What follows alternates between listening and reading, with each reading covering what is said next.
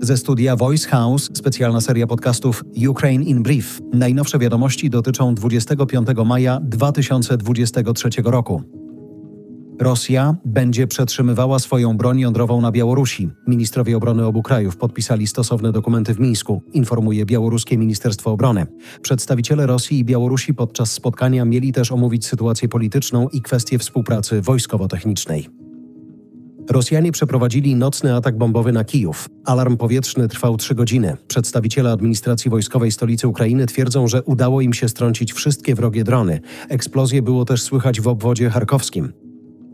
Na Ukrainę może trafić amunicja z Korei Południowej. Dostawy miałyby odbyć się za pośrednictwem USA, pisze The Wall Street Journal. Do tej pory Korea Południowa odmawiała udzielania Ukrainie pomocy wojskowej, skupiała się głównie na wsparciu humanitarnym i finansowym. Według amerykańskiego dziennika do zmiany decyzji mogło dojść podczas kwietniowej wizyty prezydenta Korei Południowej w Białym Domu. Informacja nie została jeszcze oficjalnie potwierdzona przez żadną ze stron.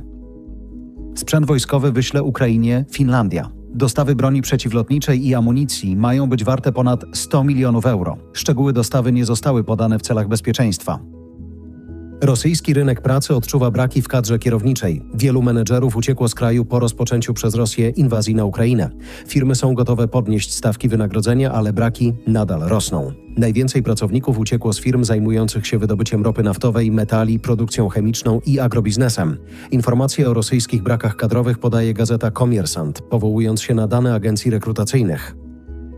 Czy Rosjanie stracą dostęp do soczewek kontaktowych? Firma Johnson Johnson poinformowała, że przestanie wysyłać soczewki do Rosji, podają tamtejsze media. Dystrybutorzy z rosyjskiego rynku twierdzą, że mają wystarczające zapasy i nie grożą im braki. Jeśli sytuacja się zmieni, rząd Moskwy może próbować sprowadzać soczewki do kraju nieco okrężną drogą. Kolejne wydanie Ukraine in Brief w nocy z niedzieli na poniedziałek.